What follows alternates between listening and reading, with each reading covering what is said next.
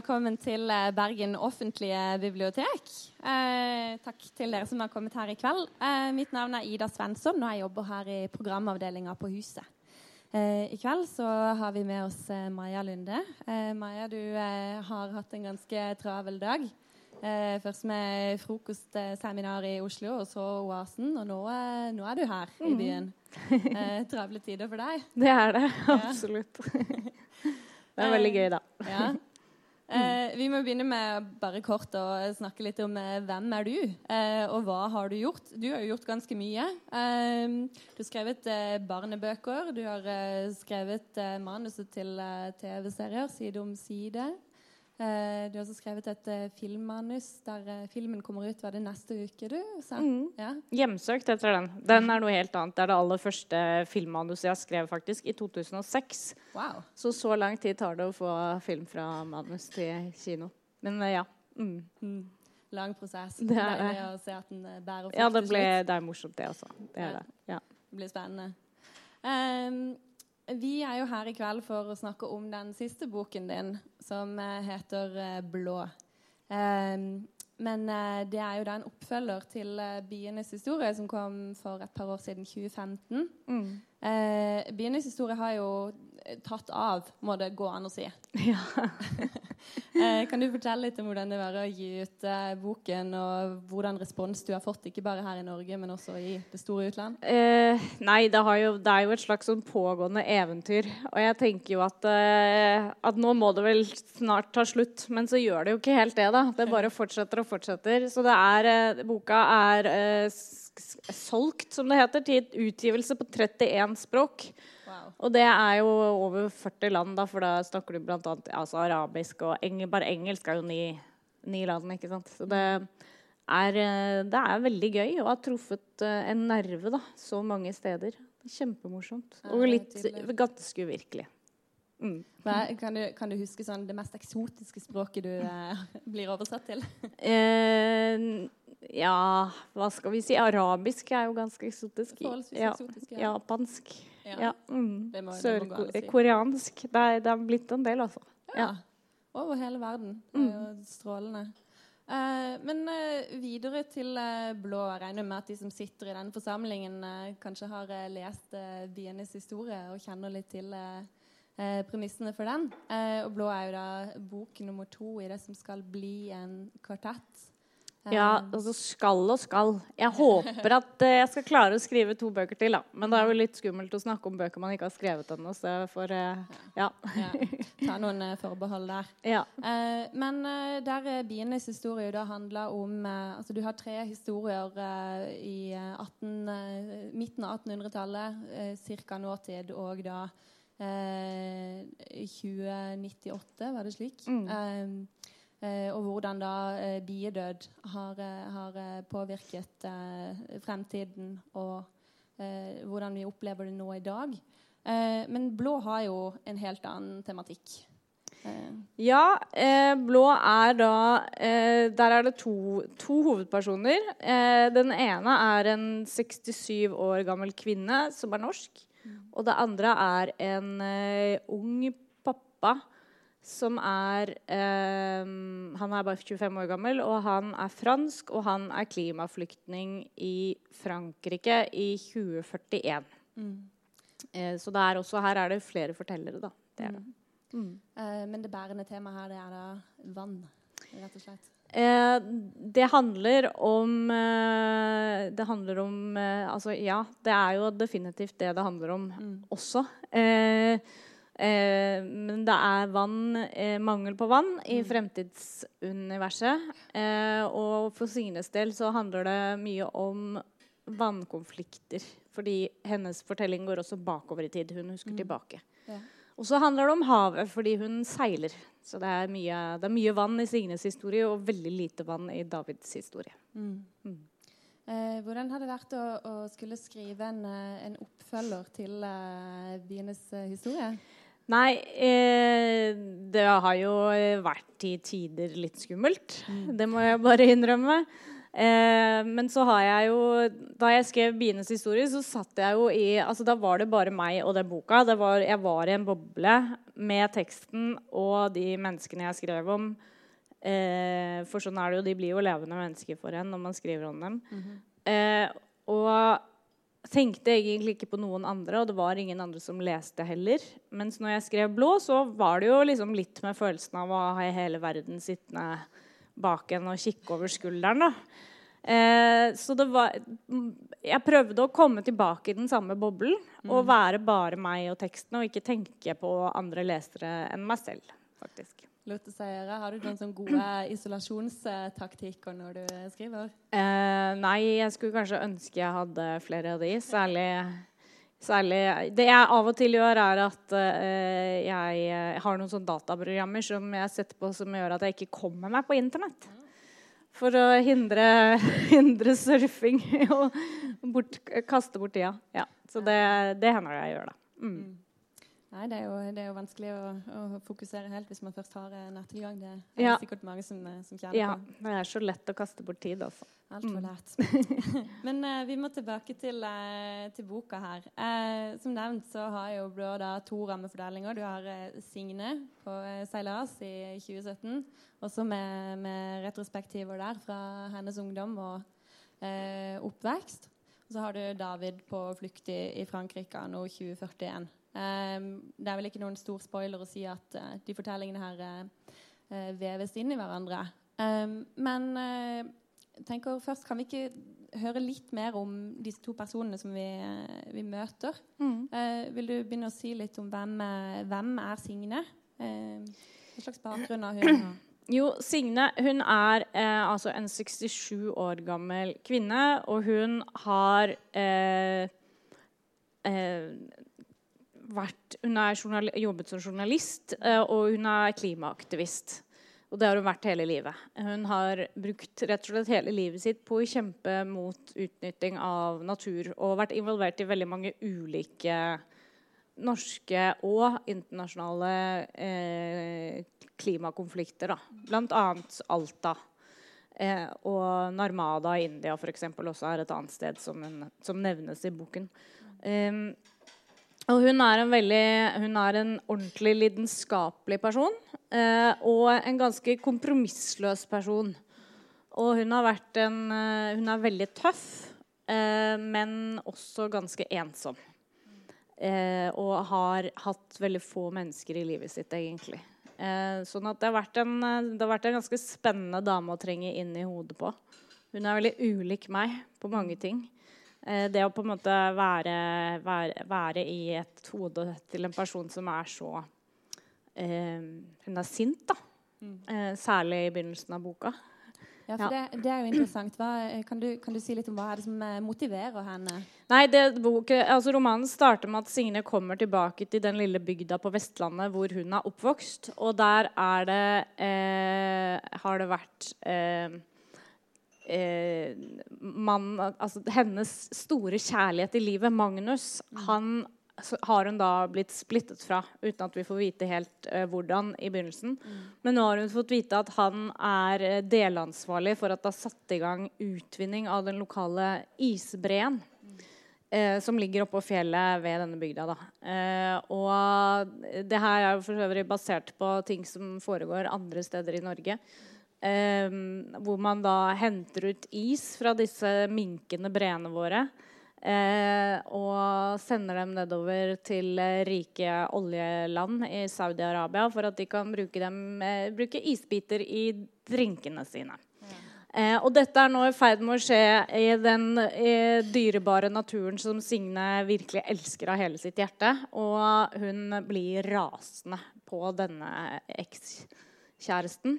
Og eh, setter rett og slett ut på en ekspedisjon med sin båt. For han bor ikke lenger der, da, for å konfrontere han.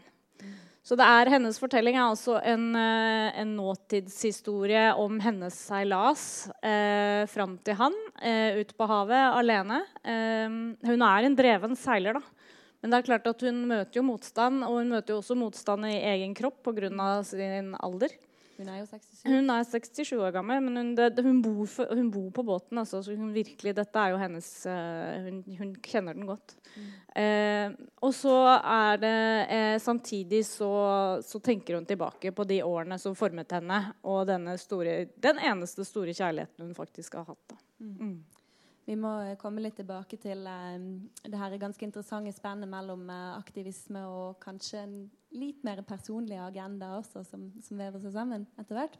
Eh, men eh, vi må også høre litt om, eh, om David. Mm -hmm. kunne du kanskje tenke deg å lese det? Ja. Likevel, Skal jeg lese den første siden om i Davids fortelling? Eh, det kan jeg gjøre. Mm.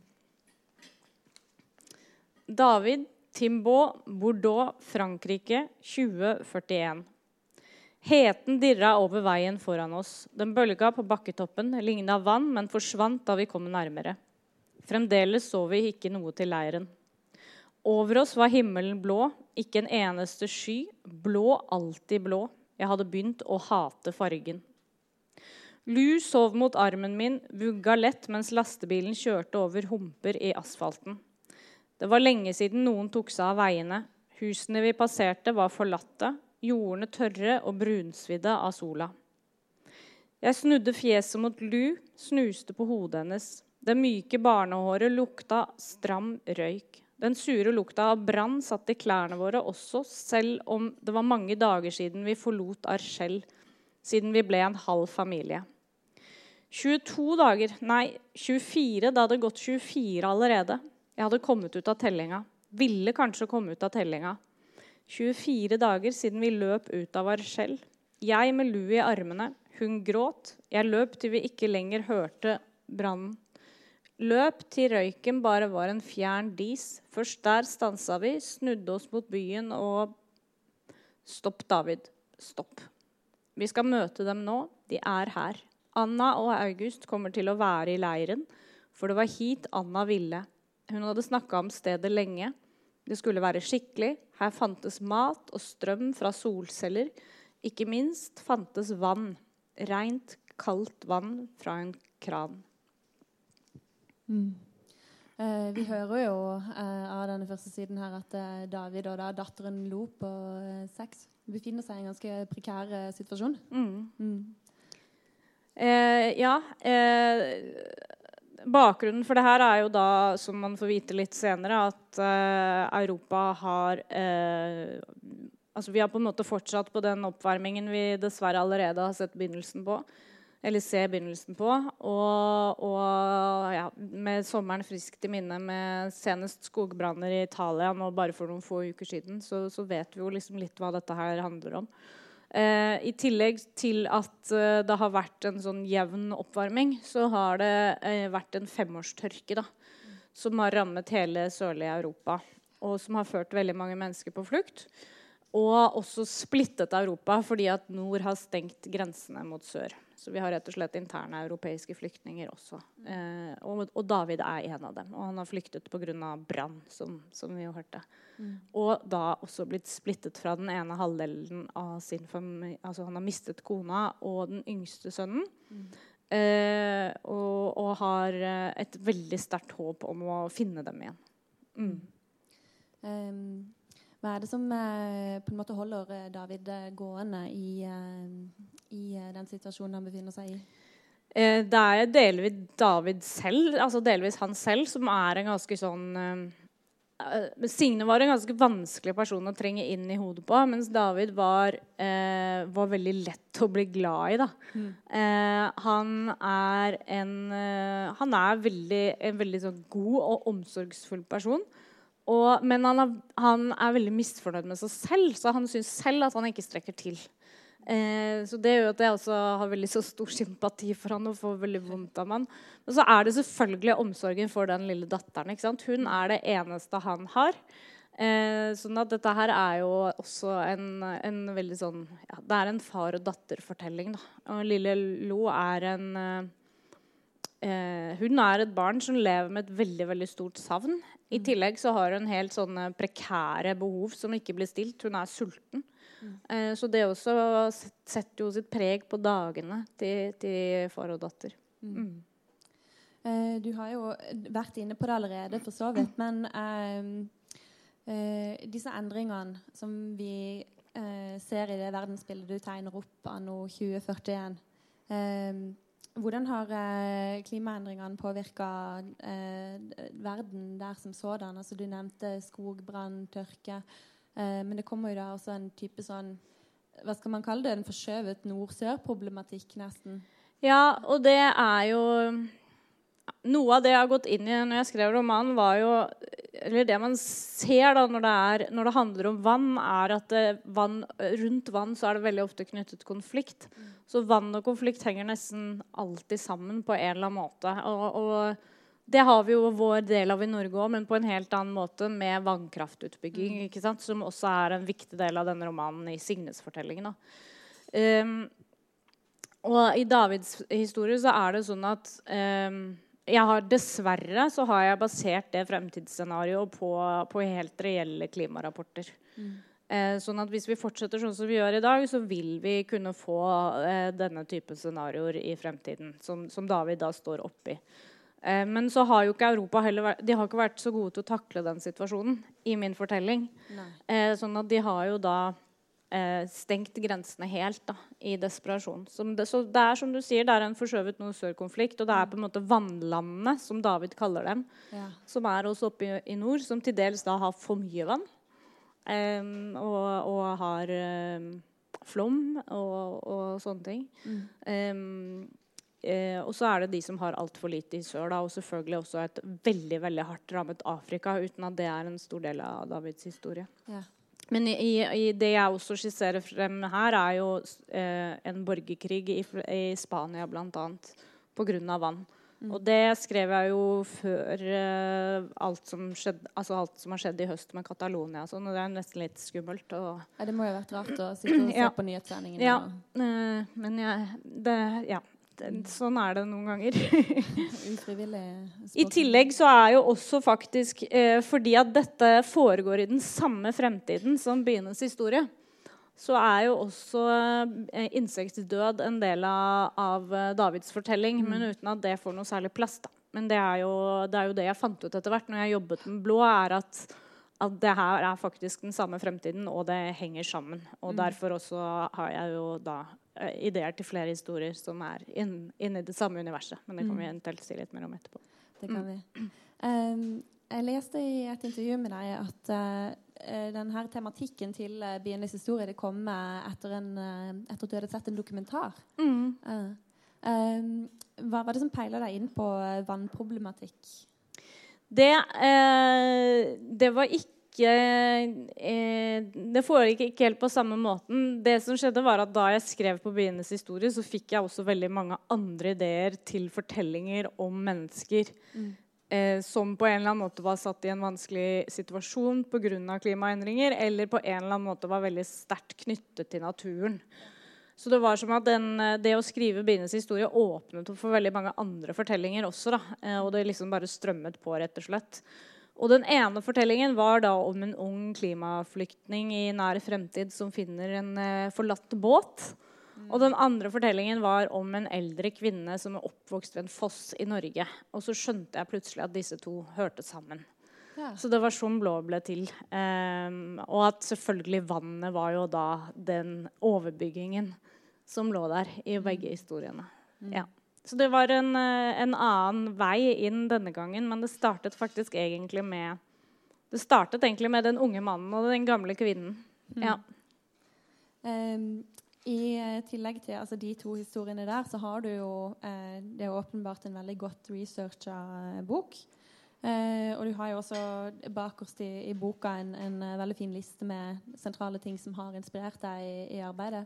Eh, kan du fortelle litt om hvordan du jobber med researchprosessen din? Og kanskje også i forhold til skrivingen? Ja, eh, det, det, varierer litt, men jeg gjør veldig mye research. Det er liksom først og fremst det. Eh, og så er det I forhold til blå så besøkte jeg både kli, eh, Jeg besøkte flyktningleirer i Hellas. Mm. Fordi at store deler av Davids fortelling foregår i en flyktningleir. Mm. Um, og så var jeg eh, på flere ulike vannkraftverk. Eh, tok meg også en tur til ja, Odda-området og eh, bare kjørte og kjørte rundt eh, omkring. Eh, og eh, har brukt veldig mange såkalte ekspertlesere. Eh, folk som kan både det ene og det andre og en tredje. Det mhm. tredje det er jo bl.a. brann her, så jeg har jo hatt inn en brannmann som har lest alt som har med brann å gjøre. Så ja. Mm. Eh, også den her eh, ja. saltutvinningen fra eh, Det er saltutvinning også. Eh, der måtte jeg jo da Jeg har vært i kontakt med et bærumsfirma som driver med saltutvinning. Mm. Altså saltvanns eh, Å lage ferskvann av saltvann. Mm. Fordi det er en, et arbeid som, som, David har drevet med før han ble flyktning. Mm. Og det driver de jo allerede med en god del steder i verden. I et slags desperat forsøk på å skape vann der det ikke finnes drikkevann. Mm. mm. Det er, men det, jeg syns jo det er en, um, en veldig fin del av arbeidet. Uh, jeg finner ofte ideer i, i fakta, i, det, i uh, virkeligheten. da. Så du kan jo kalle det en annen type virkelighetslitteratur. eh, men, men, jeg kan virkelig bli veldig inspirert også av å, av å lese sakprosabøker, av å se dokumentarer og selvfølgelig av å snakke med folk som kan noe om et eller annet emne. Mm. Eh, men eh, ja, apropos eh, researching og, og, andres erfaringer. Du har jo i, i Signes historie så er jo seiling en helt sånn vesentlig bestanddel. Mm. du har jo også en god del erfaring med det å seile. Ja, faren min har alltid hatt båt, så hver eneste sommer så var vi på den. Og det setter jo spor. Eh, og så har Da jeg var 17, så valgte jeg å ta et år på skoleskipet Christian Radich. Eh, som da er eh, Oslos eh, lille svar på statsråd Lehmkuhl. Mm. Jeg vet at statsråd Lehmkuhl er større, men eh, Men så Og det, den gangen så var det sånn at du kunne være der et helt år. Eh, og det var å, å seile fullrigger. Eh, og vi reiste langt sørover. Vi var på Madeira og Azorene. Og, eh, vi hadde full storm to ganger. Ja, for det var en av de tingene jeg var litt nysgjerrig på. Altså, I uh, denne fortellingen til, uh, til uh, Signe så kommer hun jo Det er vel mellom Bergen og, og, Flekkefjord at hun blir utsatt for en voldsom storm. Mm. ja, det er faktisk ikke storm, da, men det er en stiv kuling. Og det er ganske tøft når du er alene i en 31 fot seilbåt også. Her ser vi ja. forskjellen på legperson og, og ja. fagperson. Tydelig.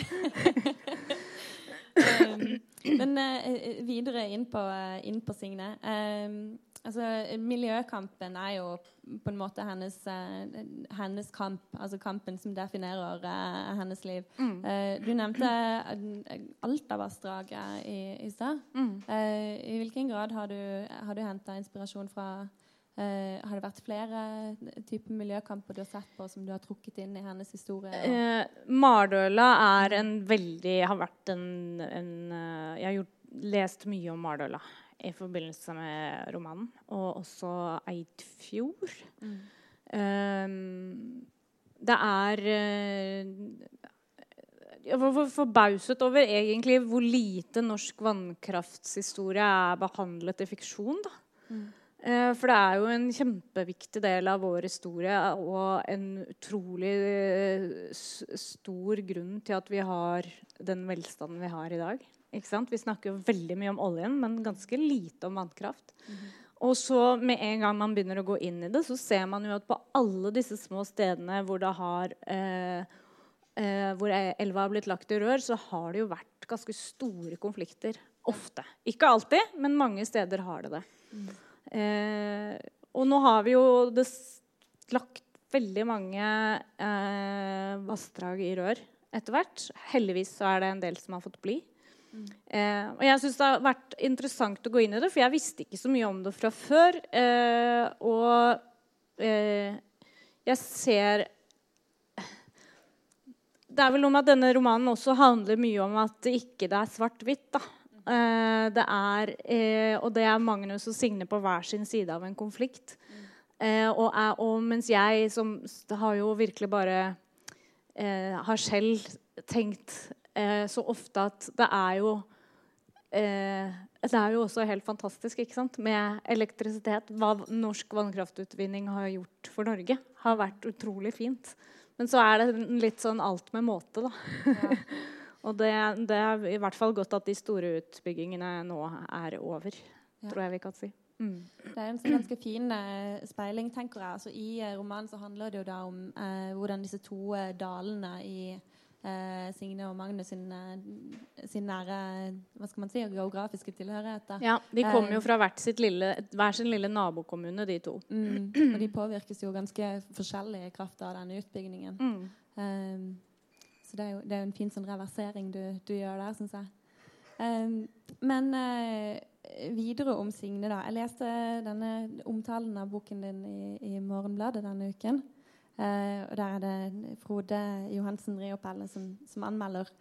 Uh, og som kommenterer da underveis eh, Signes motivasjon, som kanskje er litt sånn uklar, hvis vi kan komme tilbake på det. Mm. I, altså hun, hun, bestemmer seg jo da etter denne vassdragsomleggingen og konsekvensene det har for, for nærstedet sitt eh, mange år senere for å gjennomføre en slags sånn politisk eh, sabotasjeaksjon mot eh, bedriftseier. Mm. Eh, men det er jo også en slags sånn personlig hevnaksjon. Mm. Eh, og eh, planen er jo da, som du nevnte tidligere, å, å dumpe is fra denne isbreen som er truet på gårdsplassen til, til, Magnus i Frankrike. Mm. Det, det, er snakk om at hun har opplevd at han har sveket idealer som hun trodde at de var enige om i utgangspunktet. Mm. Mm. Eh, hva tenker du om, om, denne her eh, motivasjonen som litt sånn eh, Kan man kalle den grumsete? Eh, ja, hva var det eh, han i Morgenbladet skrev da? Urein? ja, litt hyggeligere ord, kanskje. Eh, hun er jo i en hun er rasende når dette starter. Og eh, det er jo nettopp det som har vært så interessant man trenger inn i henne også. At hun er jo ikke rasjonell eh, i det hele tatt. Og det å se på hele eh, Altså hele hennes livsløp. da, Hvorfor blir hun som hun blir? Eh, og hun er jo mye preget av at denne konflikten tok veldig stor plass i livet hennes, også fordi foreldrene gikk fra hverandre og over det. Mm. Eh, og det er jo liksom mye det som kommer opp igjen også, når, når hun finner ut at, uh, at, de driver utvinning av denne isbreen. Eh, så hun er absolutt ikke rasjonell, og hele denne aksjonen er ikke spesielt rasjonell eh, eller godt fundert. Eh, og, og det var, men det var jo det som på en måte drev meg litt også, for jeg ville inn i den nesten-galskapen mm. som hun er, eh, driver og liksom vaker i overflaten av. da. Eh, og, og, se hva det kunne komme ut av det. Eh, og, det er, og, det igjen, da, som jeg har jo skrevet om i bienes historie også. Der har vi særlig William, som er en sånn lidenskapelig biolog. Hvordan den lidenskapen iblant kan ta litt overhånd. Og det kan være noe veldig bra i det, men det kan også bli ganske stygt. da. Mm. Um, jeg tenker kanskje det passer å lese den uh, passasjen. Ja. Apropos uh, ting som ja, de har jo ikke alltid vært stygge, selv om de kanskje Nei, blir det de har ikke det. De var så unge, og de var så forelsket. Ja. Disse to, For dette er jo også en kjærlighetsroman. Selv om jeg sier at jeg ikke skal gi Jeg kaller jo ikke bøkene mine for noe. De er jo bare romaner, men det er mm. kjærlighet her, da. Det er det. Eh, og eh, her har de akkurat flyttet på hver sin hybel i Bergen. Eh, og eh, er men de er seg selv, da, begge to. Eh, og, og, Signe hun er en kverulant, som dere nå vil få høre. Hun er veldig opptatt av ord og ords betydning. Det er viktig for henne, fordi hun skal jo også bli journalist.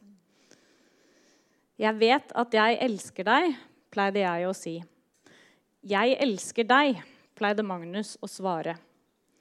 Kan man gradere ordet 'elske', spurte jeg en gang.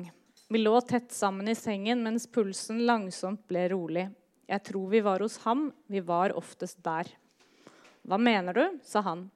Kan det graderes, eller er ordet i seg selv så sterkt at det alltid er maksimalt? At det alltid er 100% Det er i hvert fall bare du som kan få språkets mest emosjonelle ord til å bli teori, smilte han mens han strøk meg over armen. Men hvis det kan graderes, sa jeg, vil ikke da det å vite forsterke det? Er ikke min setning egentlig sterkere enn din når jeg sier at jeg vet? Du mener at du elsker meg mer enn jeg elsker deg? Ja, jeg tror kanskje det, sa jeg og la meg enda tettere inntil han. Det tror ikke jeg. Det er tryggheten jeg tillegger ordet gjennom den språklige sammenhengen jeg setter det i, som gjør det sterkere. Du vil at jeg skal ta dette på alvor? Jeg vil at du skal ta alt jeg sier, på alvor. Greit, da vil jeg like gjerne si at du åpner for en tvil. Ordene 'jeg vet' åpner for en mulighet for at det kan komme en tid, en stund, et øyeblikk hvor du faktisk ikke lenger vet. Det forstår jeg ikke. Og du viser jo implisitt også til det motsatte, at det eksisterer et 'jeg vet ikke' og det nedjusterte 'jeg tror'. Mens min versjon derimot Ja, få høre din versjon, elskede Magnus. Tre enkle ord, Signe. Tre ord som er en klisjé, men også de sanneste. For jeg peker ikke fremover, bakover eller mot noe annet enn oss. Enn deg. Hva? Noe annet enn deg. Du peker ikke mot noe annet enn din egen følelse, sa jeg. Greit, sa han. Så du sier at jeg er feig, at jeg modererer meg. Jeg sier at jeg elsker deg. Står det i et motsetningsforhold til å tenke det? Du tenker at du elsker meg. Akkurat nå tenker jeg at du sliter meg ut. Ord er viktige. Ord er viktige for deg. 'Jeg skal bli journalist', sa jeg og smilte. 'Du må tåle såpass.' 'Du skulle ikke bli journalist da jeg valgte deg.' 'Det lå vel i kortene.' Det gjorde kanskje det.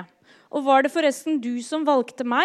Er det mannen som velger kvinnen? Den positive kraften som velger den negative? Jeg har alltid tenkt at du valgte meg. At jeg valgte deg. Kjære Beauvoir, jeg gir meg, du valgte meg. Ja, jeg valgte deg. Kan vi sove nå? Ja, god natt, sa jeg. Jeg elsker deg, sa han. Ja, sånn, eh, sånn kan det begynne. Ja. Eh, kanskje aner kanskje visse frempek der, men det det man, man får lese og se. vi, vi, må, Tiden løper fra oss her omtrent. vi må tilbake til, til David også. I stad nevnte du ditt besøk til flyktningleir i, i Hellas. Mm. Uh, og jeg er kjempenysgjerrig på hvordan du jobber med, med, den materien. Eh, vil du fortelle litt om besøket og hvordan du brukte det i skriveprosessen i etterkant? Eh, ja, jeg dro ned og besøkte tre Jeg fikk god hjelp av en organisasjon som heter Dråpen i havet. Jeg dro ned og besøkte tre ulike og veldig forskjellige leirer i og rundt Aten. Og den ene leiren var veldig veldrevet og offisiell og ordentlig på alle vis. Eh, der ble jeg også kjent med flest mennesker. Der var det folk som, som etter forholdene hadde det ganske bra. Og det uh, var også en inspirasjon for den flyktningleiren som David kommer til. fordi der er det ganske bra. I hvert fall i begynnelsen av fortellingen. Ja. Og så besøkte jeg en annen leir som var en ikke-offisiell leir. Og der ble jeg smuglet inn, for den ville jo ikke greske myndigheter at noen skulle vite om. Det var de eh, som drev den? Eller? Nei, den ble drevet av forskjellige NGO-er eh, og delvis frivillige. Og ikke vet jeg helt hvordan de fikk det til. Altså, de hadde Nei. det ikke bra, de menneskene som bodde der. Så det var en ganske annen opplevelse. Mm. Um, og nå jeg skal ikke røpe for mye, men det går jo dårligere med den leiren som David og Lou er i. Mm. Um, og så var jeg også ved en mor og barn-leir som var en helt annen opplevelse. Som lå veldig sånn isolert ute på en tørr landevei, og det var landskapsmessig liksom ikke helt ulikt eh, hvordan det er her. da. Men for meg så handlet det jo om, det handlet om flere ting. Det handlet om å, å kjenne på uh, ting som lukt. Hvordan ser det ut? Eh, bare hvordan vinden kan liksom dras gjennom konteinerne da, i den ene leiren hvor det var sånne ordentlige konteinere. Mm. Hvor store eller hvor små plassrommene er. Hva de får utdelt av ting. Eh, og selvfølgelig, Det er liksom det ene. Alt det visuelle, alt det taktile. Og rett og slett være der. da. Mm. Og så var det eh, selvfølgelig å snakke med folk. Ja, så jeg ble kjent med ganske mange ulike mennesker som, som uh, hva alle hadde til felles at de var i transitt Mm. eh, og ventet. Eh, og ja.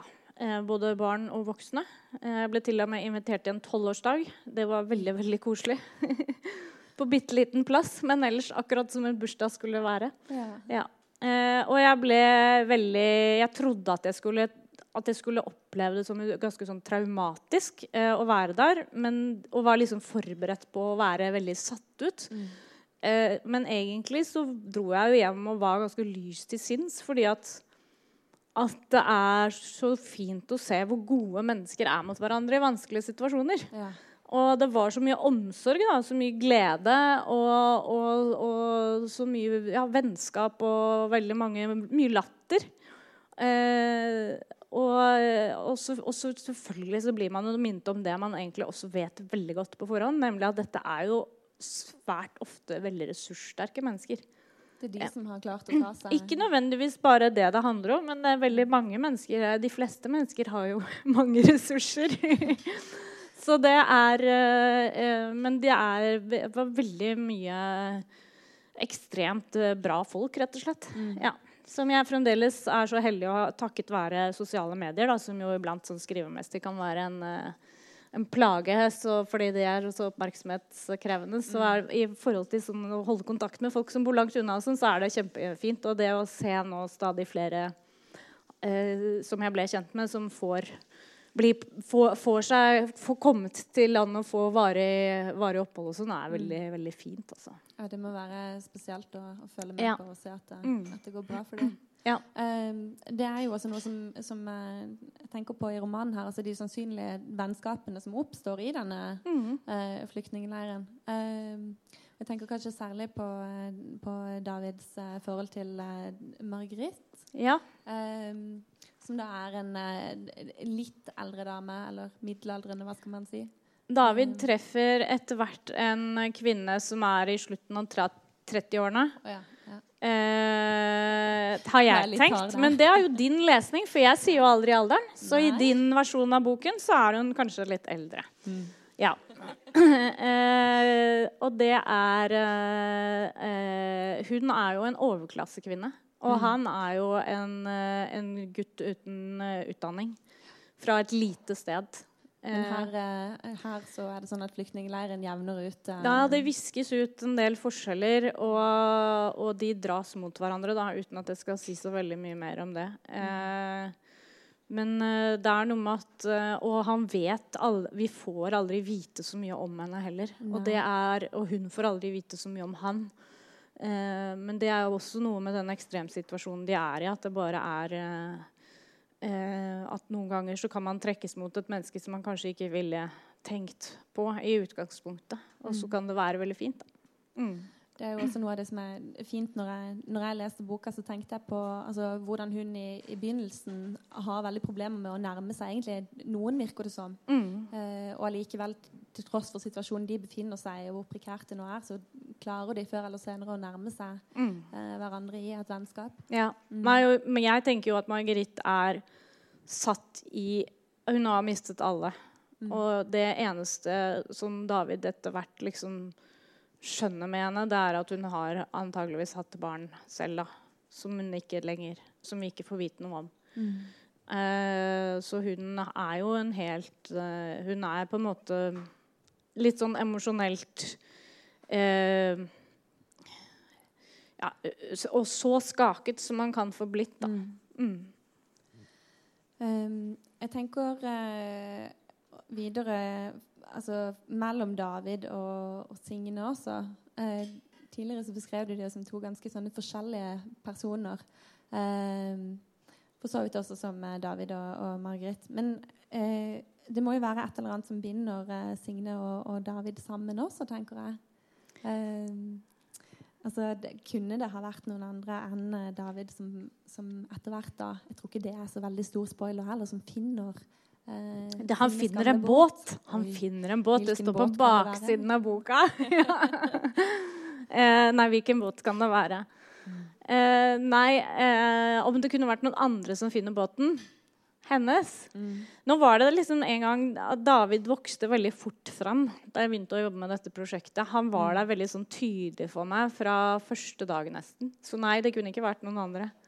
Og det er litt sånn, Når jeg sitter og skriver, så føles det litt som, eh, som jeg tidligere har beskrevet som å legge puslespill. Mm.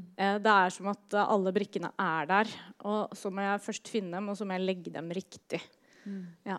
Og det er eh, Det føles iblant ikke som det er jeg som egentlig har bestemt hva de skal være. Eller jeg innser jo at det er sånn, men, eh, men eh, det kan føles litt magisk på gode dager. Og David han var en sånn person som bare var der helt levende for meg veldig veldig tidlig. Og var, jeg visste så godt hvem han var, og jeg ble så fort veldig veldig glad i han.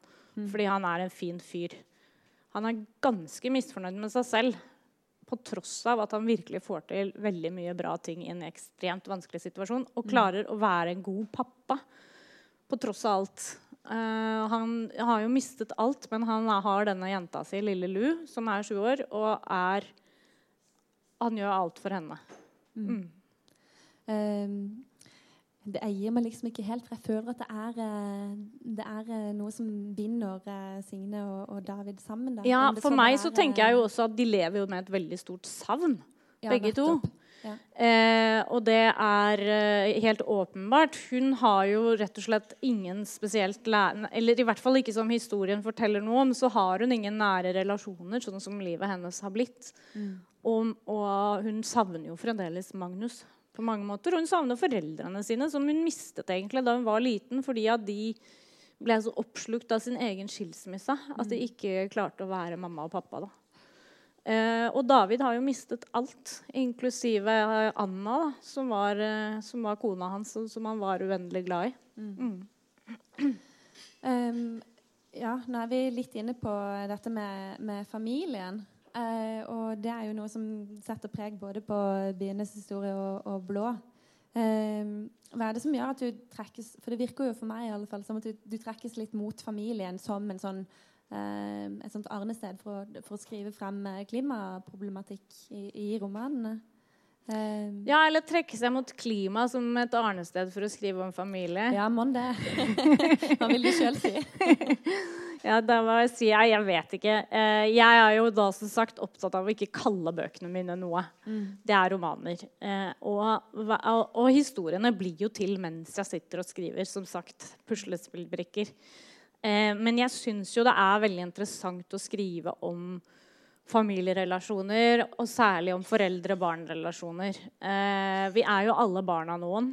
Og det vet vi jo at kan være ganske komplisert. Eh, og, mange har jo barn, og det kan jo søren meg være ekstremt komplisert, det også. Eh, er jo det vanskeligste man gjør. Jeg har tre gutter selv, og jeg syns jo det er utrolig ja, Man føler jo aldri at man blir Det er liksom en rolle man aldri blir perfekt i, da. Mm. Og det, hvis man blir perfekt, så er jo det i hvert fall feil. Så her er det bare muligheter for feil skjær. Eh, men eh, jeg, jeg, eh, kjenner jo at dette er jo det å skrive om de nære relasjonene det er jo det vi omgir oss med. Det er jo det mm. som er viktig for oss i, i, hverdagen vår. Og det å ha noen å elske og være elsket er jo det som gjør oss til hele mennesker. på sett og mm. vis. Så dette kommer jeg til å fortsette å skrive om uansett om jeg skriver om klima eller eh, Mars-bordet. Ja. ja. Du holder muligheten åpen Nei. Uh... Eller om jeg plutselig skulle finne på å skrive selvbiografisk. Jeg skal, ikke, skal aldri si aldri der heller. Nei, nei. um, hvis det er noen som uh, tenker at de har lyst til å kanskje stille et spørsmål om litt, så går det an å begynne å marinere på det. Uh, jeg må bare innom en, en liten tur til Marta Norheim, mm. som jo er eh, NRK sin kritiker som har eh, tidligere kommet ut med en type sånn eh, oppsummering av norsk samtidslitteratur. og nå er jeg ute med en oppdatert versjon av den, hvor hun da har viet et, et klimakapittel inn, inn, i boken der. og i, i omtalen av, av, din bok nylig, så var vel noe av det hun trakk frem, altså tendenslitteratur var vel et ord som ble brukt i dette kapittelet. i alle fall. Mm. Eh, nå har jo du nettopp sagt at du vil helst ikke sette merkelapper på, eh, på bøkene dine. Eh, jeg tenker sånn altså, kan man snakke om en tendenslitteratur, og gjør det i så fall noe at man har et politisk budskap eh, som preger eh, det man skriver om? Ja, derom strides jo kritikerne. Nå har jo dette plutselig blitt en slags liten minidebatt mm. i Litteratur-Norge, og det syns jeg er veldig morsomt. da. Eh, hvor både Morgenbladet og Dagbladet har vært på banen og kritisert Marta Norheim igjen. Mm. Eh, så det er eh, Hva skal jeg si om det, da? Kan ikke kritikerne få lov å holde på med dette her, så kan jeg skrive bøker? ja. Nei, som sagt, jeg skriver jo ikke fordi jeg har et budskap jeg vil tre nedover ørene på en leser. Eh, jeg skriver fordi at jeg har noen spørsmål som jeg har lyst til å utforske. Og jeg har noen mennesker som jeg har lyst til å skrive om og bli bedre kjent med. Eh, og jeg har kanskje også noen historier som jeg ser for meg en slags skisse til. Eh, som igjen handler om disse spørsmålene som jeg har lyst til å utforske. Så det er jo der det starter for meg. Det starter jo ikke med at nå skal jeg fortelle verden at bier er innmari viktig. Hvis det hadde startet der, så hadde jeg hatt et annet yrke. Mm. Ja. Eh, og så får folk kalle bøkene hva de vil, altså. Men jeg um, eh, Jeg tenker jo utover det, hvis jeg skal være litt skarp her nå, da, så tenker jeg at altså sånn har litt skarp tunge, så tenker jeg at, at jeg er opptatt av å ikke fortelle leserne mine hva de skal mene. Det er like mm. mange oppfatninger og versjoner av en bok som det er lesere som har lest den boka. Det er leserne som lager liv i litteraturen. Jeg, dette er jo bare papir uten en leser. Um, og i forhold til anmeldere så tenker jeg meg jo så er det jo også så farlig for anmeldere å si at forfatteren har ment. Mm. For det er det jo slett ikke sikkert forfatteren har. Mm. Eh, og noen av de kan jo jeg av og til se. Og da blir jeg alltid litt sånn overrasket. Ja, men det er jo ikke det jeg har ment. Eller det er jo ikke det jeg har tenkt. Mm. Eh, så det er en litt sånn skummel formulering fra, fra en anmelder, da, tenker mm. jeg. Mm. Ja, det er jo det andre anmeldere som mener at boka åpner for, uh, for mange flere lesninger. Så det, ja. jeg tror take-homen her er å lese den selv og gjøre seg opp en mening. Se, se hvor gammel uh, Margrit blir i, i deres ja. um, Litt utenfor uh, selve romanen. Uh, nå har du skrevet om byer, du har skrevet om vannfordelingsproblematikk. Men sånn i din egen uh, hverdag, hvilke klimakamper eller miljøspørsmål er det som du tenker mest på sånn fra dag til dag? Å, nei, Det varierer litt. Noen dager kan man jo bli nedslått av uh, det store bildet, eller bli veldig mm. lett sånn uh, trist over å, å, se de krisene som de har andre steder i verden. Og så har vi jo plutselig nå hatt mange som har blitt veldig hardt rammet på, på Sørlandet. ikke sant? Og da mm. står det jo veldig nære. Og så kan man jo iblant bli litt sånn oppgitt over uh, Ja, hva skal jeg si? Meningsløsheten over taxfree-salg og sånne ting kan jeg jo irritere meg over. Norsk flytrafikk subsidiert uh, via uh, helsebudsjettet. Var det jeg hørte? Tre, tre milliarder koster taxfree-utsalgene den norske helsa hvert år. Så det, det, er mye artig å irritere seg over hvis man har lyst til det. Ja. ja. Mm. Men, eh, og, men, først og fremst, når det er sagt i forhold til Norge, så er jo jeg bare Jeg skulle litt ønske vi kunne klare å snakke om de positive tingene ved dette også. Da. At, at mm. det å ta en del grep kan være veldig fint, både for oss som privatpersoner, F.eks. plante humlevennlige blomster i hagen. ikke sant? Sånne har du gode, gjort det? Fine, ja da, ja. det har jeg.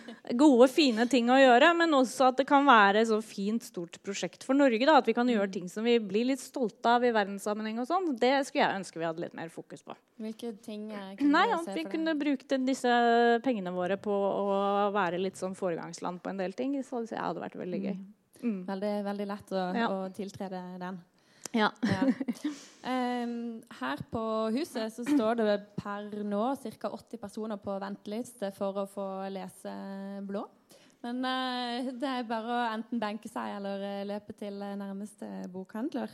Og så uh, til slutt så har jeg egentlig bare lyst til å spørre deg, for de som venter eh, Har du tips til noen andre bøker eller eh, klimalitteratur eller bare god litteratur som har eh, inspirert deg i det siste? Oh, det var jeg faktisk ikke helt forberedt på. Akkurat nå så leser jeg uh, Margaret Atwood, som jeg er veldig glad i. da. Ja. Eh, alias Grace. Den er jo fra 80-tallet, eh, men den liker jeg veldig godt. Så den kan jeg jo anbefale. Ellers så syns jeg jo Den sjette utryddelsen eh, som er en sakprosabok, er veldig veldig god eh, for, i forhold til klimaspørsmål. Mm. Eh, og så leser jeg nå parallelt også eh, Sapiens, som også er sakprosa. Den er jo også veldig underholdende. Og Ganske dyster, er den ikke? jo, jeg har bare lest halve, så det vet jeg ikke. Ja, jeg, men den har vært veldig morsom til nå, altså. Men han har jo en ganske sånn eh, Han har jo et nøkternt forhold til mennesket. Ja. Det har han. ja. Ja, vi er jo dyr. Vi er jo dyr. Men det er en fin påminnelse, det òg. ja. Eh, jeg tror vi skal si eh, tusen takk til eh, deg, Maja. Takk for Og meg. Tusen takk til dere som kom. Gi meg gjerne applaus, da.